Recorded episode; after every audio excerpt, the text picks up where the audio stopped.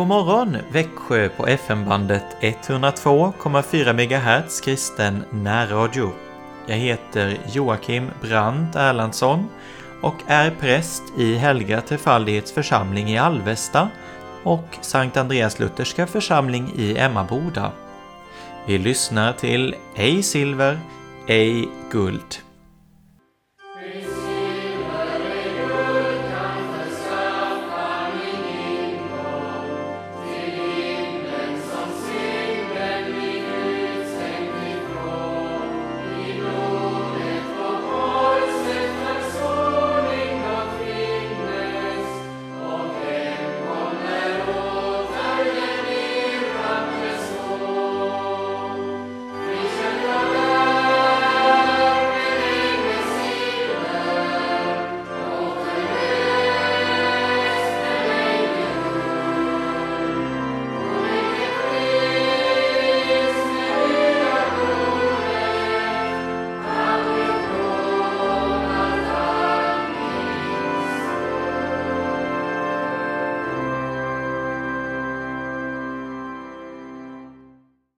Låt oss inleda denna morgon med att läsa dagens bibelord för den 26 februari.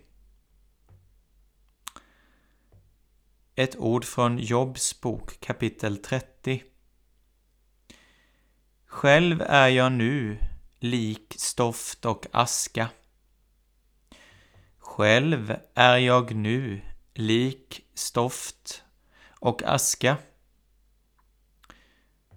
Och Saltaren 103 säger till oss Han vet varför ett verk vi är.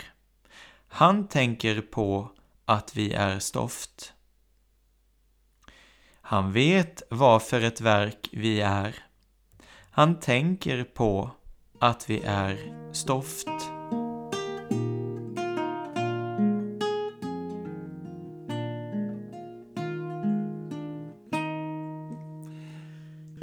Här kämpar kött och anden beständigt hårda strider.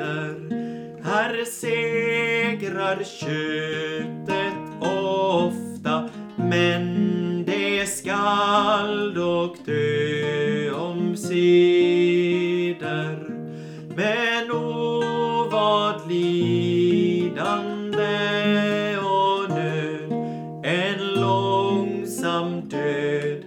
Här korsets död. Här kämpar kött och and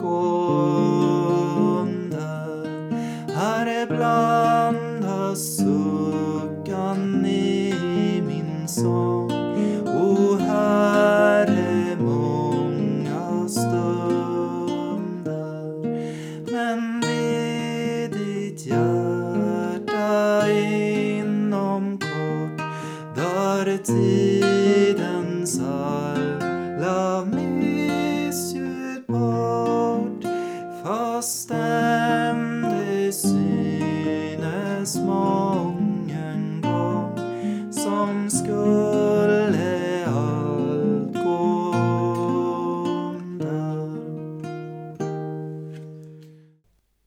Vi lyssnar till den norske läraren Öyvind Andersen.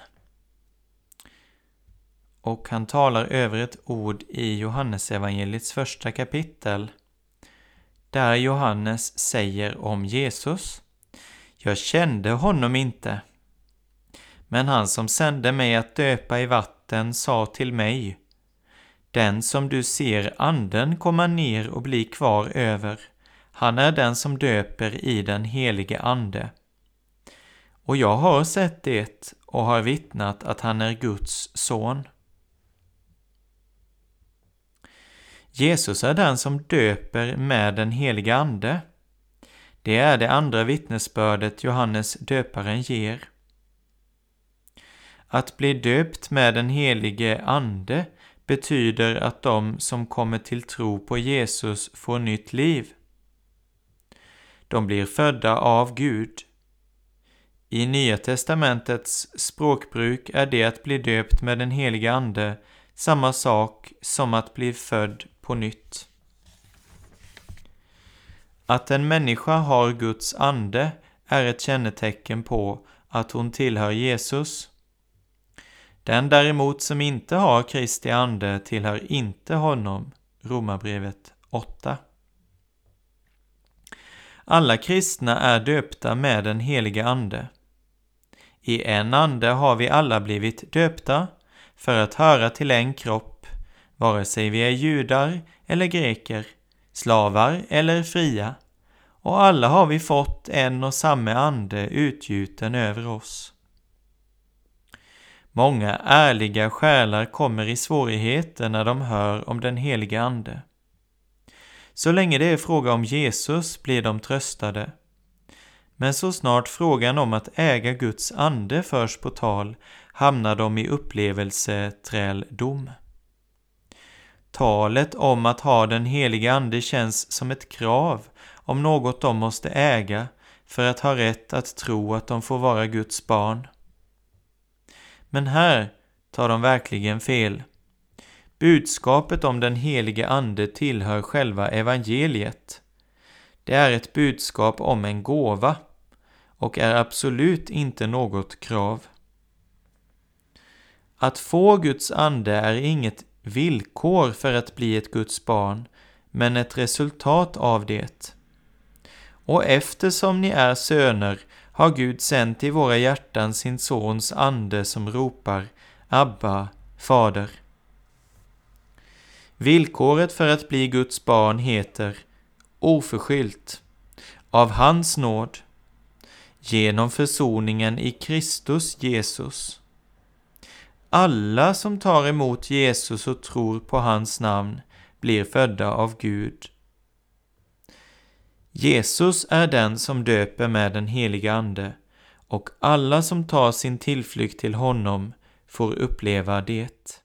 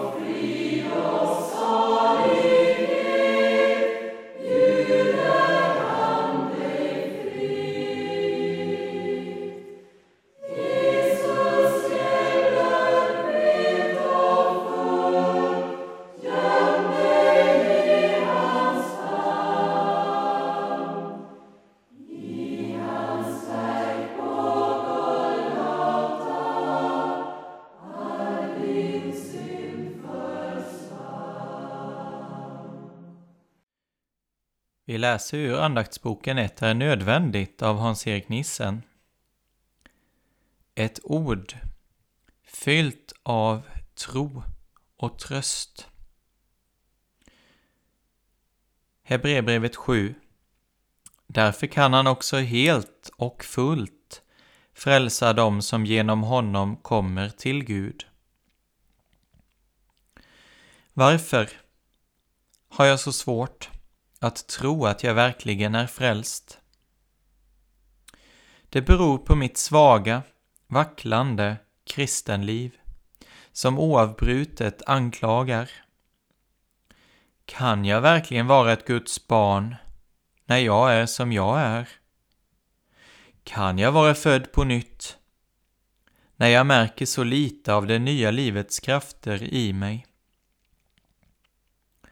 Många gånger har jag bestämt mig för att det skulle bli annorlunda. Jag har försökt att förbättra mig.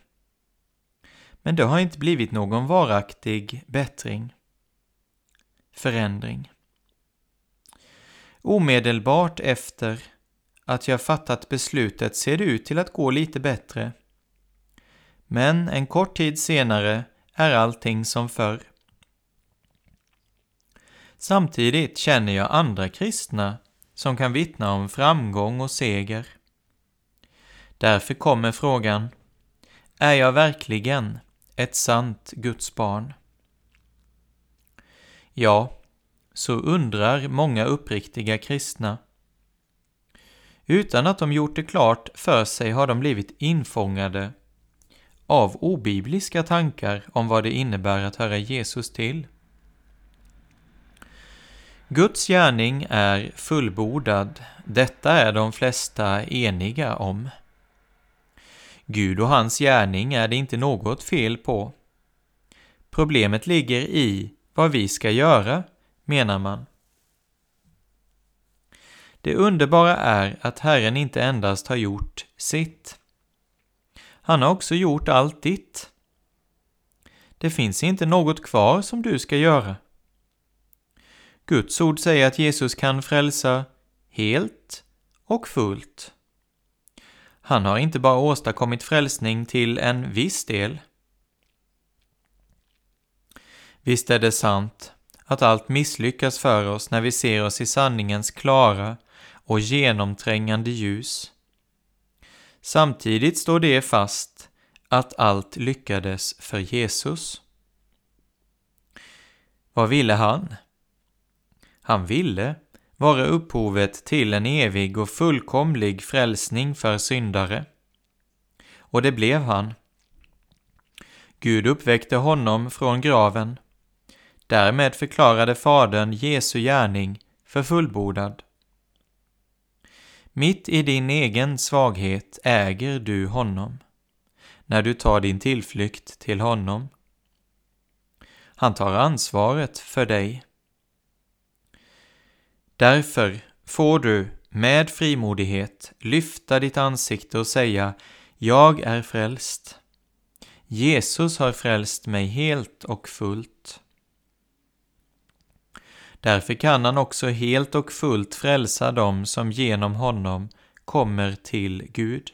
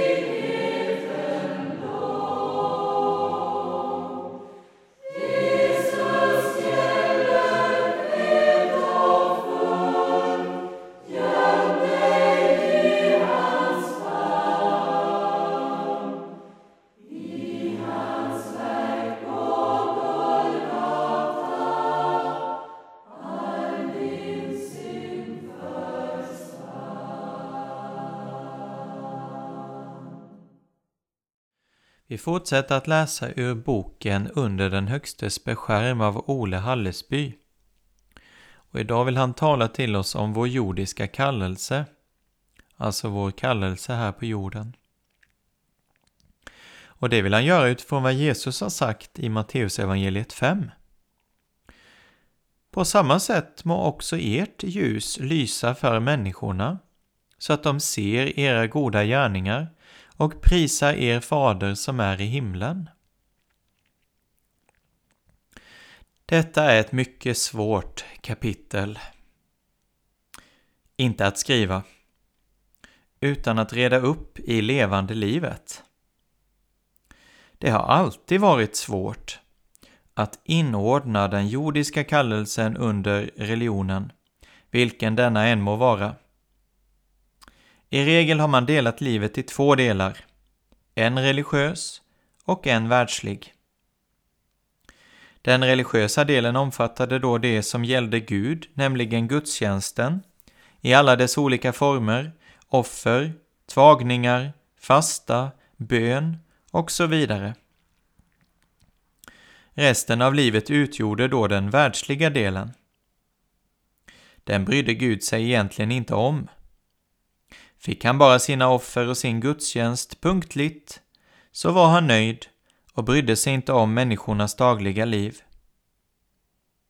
Det var en angelägenhet som rörde familjen och staten. Det var inte endast de hedniska religionerna som var böjda att placera det dagliga livet och den jordiska kallelsens uppgifter utanför religionen. I det gamla Israel möter vi något liknande. Det finns ju ingenting som profeterna klandrar skarpare än det att man var noga med gudstjänsten men levde uppenbart omoraliskt. Ondska i förening med högtidsförsamlingar, sådant kan jag inte lida, säger Herren i Jesaja 1. Jesus klandrade samma hos fariseerna. De var både ivriga och noggranna i vad som gällde det religiösa. Sålunda gav de tionde till och med av sådana obetydliga saker som de de odlade i sin köksträdgård. Mynta, anis och kummin. De bad långa böner. De kunde fara över land och vatten bara för att vinna en enda anhängare. De gjorde rent det yttre av bägare och fat. Men moralen bekymrade de sig inte om. De utsög änkors hus och underlät rätt och barmhärtighet och trohet. De var fulla av rovgirighet och snikenhet.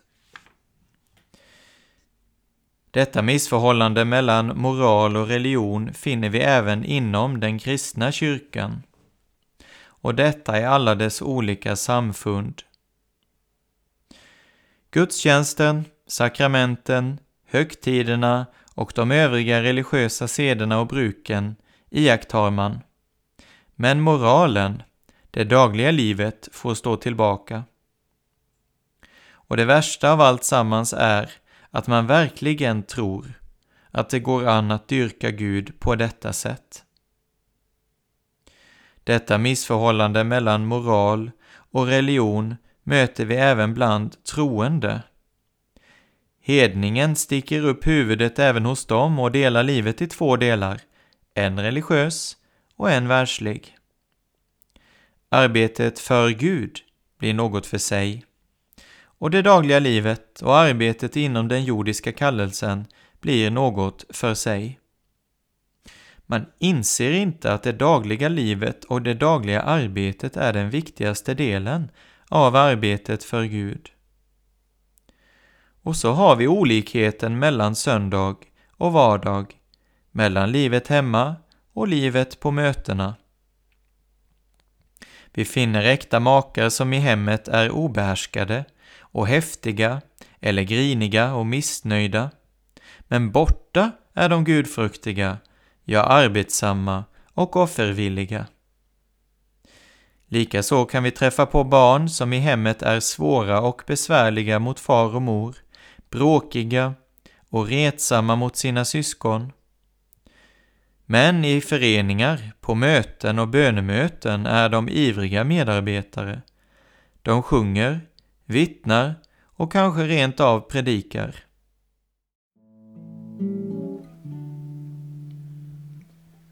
Du som av kärlek varm blöder för mig Drag mig för varje dag närmare dig.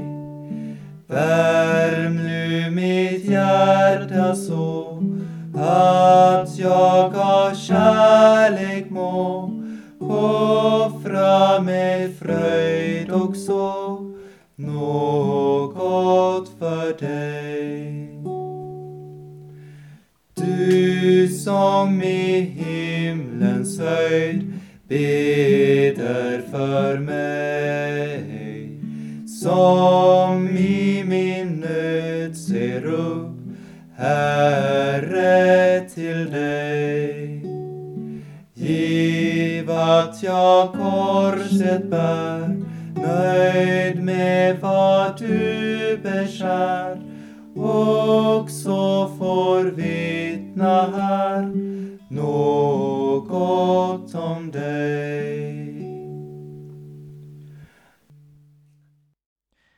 finner vidare överordnade som var dag är missnöjda och fordrande, så att deras underordnade ser litet av att de har något samvete, än mindre någon kristendom. Och ännu mindre ser de av omsorgen för de odödliga själar de har i sin tjänst. Men ute i det frivilliga kristna arbetet är de ivriga att frälsa och väcka själar och mycket annat. Och så träffar vi på underordnade som försiktigt drar sig undan allt arbete som de inte är absolut tvungna att utföra. Ögontjänare och dagtjuvar. Svåra att handskas med. De tål inga tillrättavisningar utan blir sura och förnärmade för det minsta. Deras överordnade kan knappt märka att de har något samvete, än mindre att de bekymrar sig om de odödliga själar de dagligen umgås med. De lever inte sitt dagliga liv för att vinna sina överordnade. Men de deltar ofta med iver i det kristliga frivilliga arbetet, söndagsskolor, kvinnoföreningar, musik- och sångföreningar, möten, bönemöten och eftermöten. De lever sitt liv på två olika plan, en religiös och en världslig. Jag kommer ihåg en liten tilldragelse i min barndom. Vi körde grus. Och fastän jag inte var kar var jag med och körde till och med egen häst. Det var tidigt en vintermorgon och vi hade just kommit till grustaget. Det var många andra som körde grus samtidigt. Och eftersom vi kommit först den morgonen hade vi rättighet att ta grus på den plats där det var lättast att ta det. Men så kommer det en man strax efter oss. Han fattar strax situationen och säger vänligt Du är så liten, jag ska hjälpa dig att vända hästen. Och så tar han helt lugnt och vänder min släde och kör bort den till ett annat ställe och tar själv den bästa platsen, den som jag hade rätt till. Jag var en liten pojke och vågade inte säga något mot vad en vuxen kar gjorde. Men så förvånad och harmsen jag kände mig. På söndagen stod den mannen och vittnade på mötena och på måndagsmorgonen kunde han bära sig åt på detta sätt. Han fortsatte att predika, men varje gång jag hörde honom uppnådde han inte mycket mer hos mig än att väcka minnet av honom själv den där måndagsmorgonen i grustaget. Låt mig berätta ännu en händelse. Den har förresten också med gruskörning att göra. En av mina släktingar kom en dag körande vägen fram och träffade då en av sina grannar. Han sa till honom, men vad nu Peter, arbetar du på din väglott nu? Har du inte hört att man just håller på att göra om den gamla vägindelningen? Och du vet ju att det är mycket lite troligt att du får samma stycke som du har nu. Peter rätade på sin av arbete krökta rygg, torkade svetten ur pannan och svarade Jo, jag fick just häromdagen höra att man håller på att ändra vägindelningen. Och det är just därför som jag vill sätta mitt gamla vägstycke i gott stånd, så att den som får den här lotten sedan skall få ett bra vägstycke. Min släkting berättade detta för mig och tillade Jag hade en längre tid tvivlat både på de kristna och på kristendomen. Men nu blev jag övertygad om att det åtminstone fanns en kristen här på jorden. Han hade mött en människa som tjänade Gud i sitt jordiska arbete och det blev honom ett vittnesbörd kraftigare än alla ord och alla möten. Bo med din andes kraft, Herre, i mig. Att jag må varje stund leva för dig. Helande hjärtesår, sökande vilsna får, görande var jag går, något för dig. Allt vad jag är och har skänkte du mig.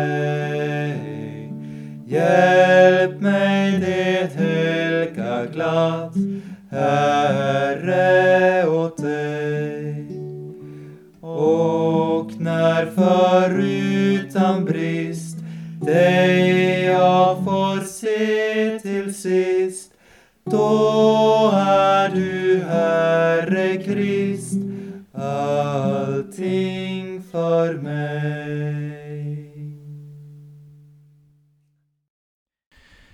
Vi läser ur boken Vila er lite, ett ord från Psaltaren 27.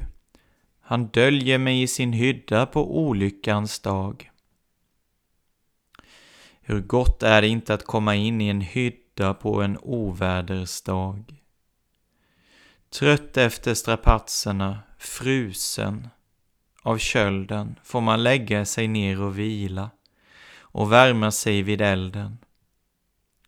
Ute hörs stormen, den piskar mot rutan och sliter i hyddan, men desto lugnare och varmare känns det där inne och man känner den trygga glädjen i sitt bröst över att ha en så lugn hydda att ta sin tillflykt till under onda, stormiga dagar. Han döljer mig i sin hydda på olyckans dag. De onda dagarna kommer nog. De kan man inte undgå. Ibland förebådas de av stormsignaler. Ibland kastar de sig oväntat över en. Men frukta inte, Gud är din tillflykt. Han skall dölja dig tills stormen har gått över. Du skall inte frysa under världens köld. Du skall inte slitas i stycken av bedrövelsens stormar. Du skall vila i tryggt förvar hos Gud. Slut dig bara förtröstansfullt till honom. Låt oss be. Herre Jesus, all vår bedrövelse är ingen bedrövelse. Du förvandlar den för oss till idel godhet och barmhärtighet. Din nåd gör att korsets törnen slår ut i de härligaste rosor. I himlen skall vi skörda med fröjdesång vad vi här har sått under tårar. Eftersom du bär mig alla dagar blir varje dag salig och rik på barmhärtighet. Det är mina ögon som är dunkla och min tro som är svag, men din kärlek är varje dag starkare än min uselhet och jämmer. Herren lever, välsignad vare min klippa, upphöjd vare min frälsnings Gud.